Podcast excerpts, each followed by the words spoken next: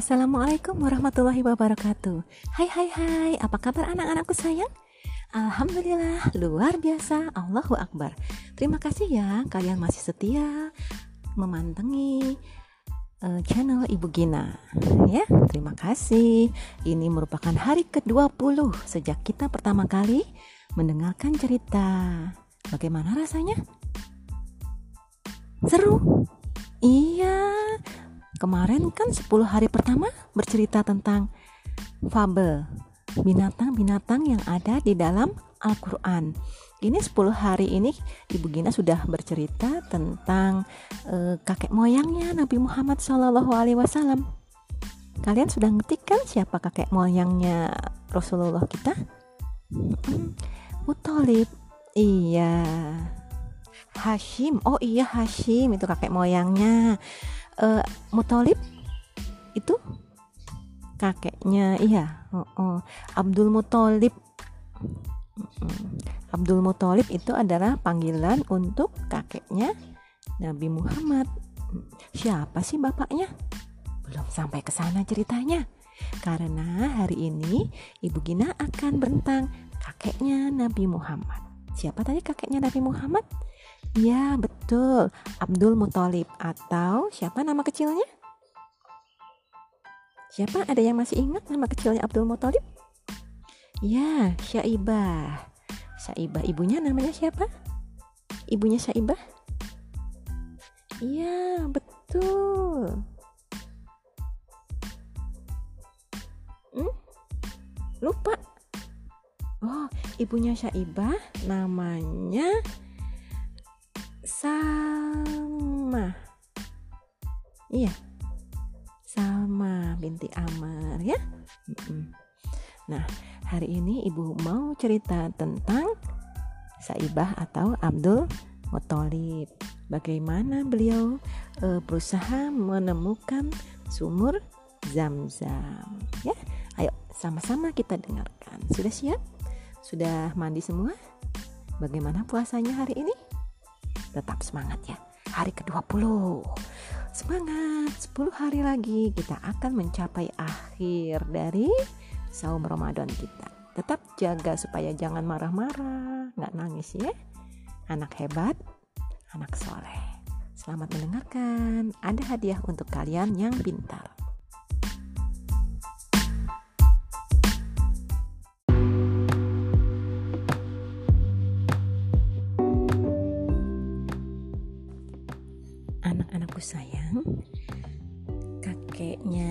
Nabi Muhammad yaitu Abdul Muthalib adalah seorang pengurus air dan makanan bagi tamu-tamu yang datang ke Mekah. Tapi setelah ratusan tahun, rupanya sumur Zam-Zam telah tertimbun. Sehingga air harus didatangkan dari beberapa sumur yang terpencar-pencar di sekitar Mekah.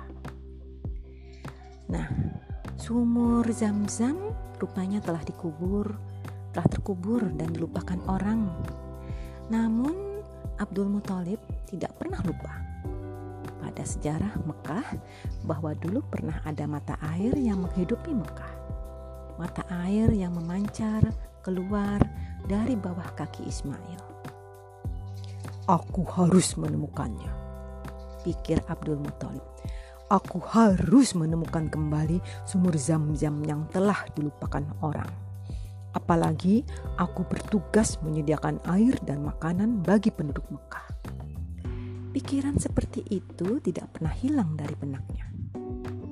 Aku harus menemukannya, aku harus menemukannya. Selalu terpikir kata-kata itu. Setelah itu, Abdul Muthalib mengambil tembilang.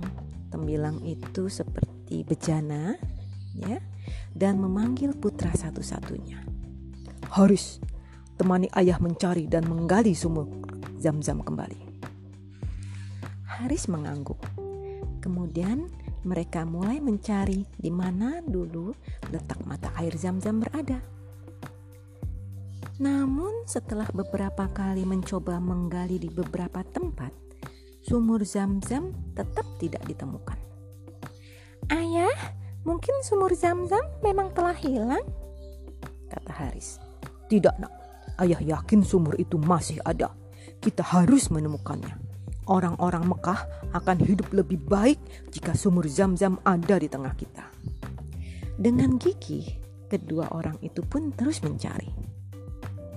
Orang-orang Quraisy penduduk asli Mekah melihat perbuatan mereka dengan heran. Hei Abdul Muthalib, mengapa engkau masih terus menggali? Bukankah dulu nenek moyang kita, Muzaz bin Amr, juga pernah menggali, namun tidak berhasil? Abdul Muthalib menaruh tembilangnya dan duduk. Ya, ratusan tahun yang lalu Muzaz bin Amr, mertua Nabi Ismail alaihissalam pernah mencoba menggali sumur Zam-Zam, namun tidak berhasil. Padahal saat itu Muzaz telah mempersembahkan sesaji berupa pedang dan pelana berpangkal emas agar sumur Zam-Zam ditemukan. Nah, anak-anakku, Apakah Abdul Muthalib menyerah dan menghentikan penggalian? Hmm, ini kelanjutannya, ya. Malam hari usai menggali dengan Haris, tubuh lelah Abdul Muthalib membuat ia tertidur. Tiba-tiba dalam tidur ia bermimpi mendengar suara yang bergema berulang-ulang. Temukan sumur zam-zam itu, wahai Abdul Muthalib. Temukan sumur zam-zam. Temukan. Abdul Muthalib terbangun dengan keyakinan dan semangat baru. Esoknya, ia mengajak Haris menggali dan menggali lebih giat. Rasa heran orang-orang Quraisy yang melihatnya berubah menjadi tawa. Hahaha, kasihan Abdul Muthalib. Mungkin ia sudah kehilangan akal sehatnya, kata mereka satu sama lain. Tapi Abdul Muthalib tidak berhenti menggali. Suatu saat ketika mereka sedang menggali di antara berhala Isaf dan Naila, tiba-tiba keluar sedikit air Air, Haris, lihat ada air. Seru Abdul Muthalib saking kagetnya. Ayo, kita gali terus ayah. Ayo, gali terus. Kata, katanya, iya kata anaknya. Kata Haris. Ketika mereka menggali lebih dalam, terlihatlah pedang-pedang dan pelama, pelana emas yang dulu pernah ditaruh oleh Muzas bin Amar. Melihat penemuan itu, orang-orang Quraisy datang berbondong-bondong. Hai Abdul Muthalib, mari kita berbagi air dan harta emas itu, pinta mereka. Tidak. Tetapi marilah kita mengadu nasib antara aku, kamu, semua dan bermain dengan permainan kidik atau anak panah. Dua anak panah untuk Ka'bah. Dua buat aku dan dua buat kamu. Kalau anak panah itu keluar, ia menjadi bagian. Kalau tidak, dia tidak mendapat apa-apa. Demikian usul Abdul Muthalib. Kenapa dia melakukan itu? Karena kan kemarin dua hari yang lalu Ibu Gina cerita bahwa nenek moyangnya Abdul Muthalib itu adalah orang yang senang berjudi senang dengan undian. Nah, jadi ini termasuk undian. Kalau sekarang nggak boleh ya, udah dilarang haram itu hukumnya ya mengundi-undi.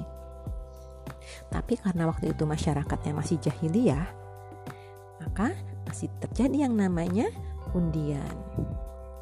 Akhirnya usul Abdul Muthalib disetujui dan jurukid atau uh, yang mengundi mengundi di tengah-tengah berhala di depan Ka'bah. Ternyata anak panas, anak panah Bani Quraisy tidak ada yang keluar. Dan pemenangnya adalah Abdul Muthalib dan Ka'bah. Karenanya, dapatlah Abdul Muthalib meneruskan tugasnya mengurus air dan keperluan para tamu Mekah setelah sumur Zam-Zam memancar kembali. Gak ada haknya kaum Quraisy untuk mengganggu kembali Abdul Muthalib. Tapi mengingat beratnya tugas mengurus sumur Zam-Zam, Abdul Muthalib akhirnya sangat ingin agar ia mempunyai banyak anak laki-laki yang dapat membantunya. Nah, anak-anakku, apakah keinginan Abdul Muthalib terkabul? Kira-kira bagaimana ceritanya? Penasaran? Iya, kita lanjutkan esok ya. Jangan lupa tetap semangat dan jaga kesehatan, rajin cuci tangan. Terus apa lagi? Kalau keluar pakai masker, jauhi gerombolan orang-orang ya. Tidak boleh dekat-dekat sama orang banyak. Jaga jarak ya. Oke, tepuk semangat. Se ma ngap semangat ya yeah. oke okay. terima kasih kalian sudah mendengarkan selalu semangat untuk anak-anak yang soleh dan soleha. Ibu persembahkan sebuah lagu yang akan menemani hari kalian. Sampai jumpa lagi. Assalamualaikum warahmatullahi wabarakatuh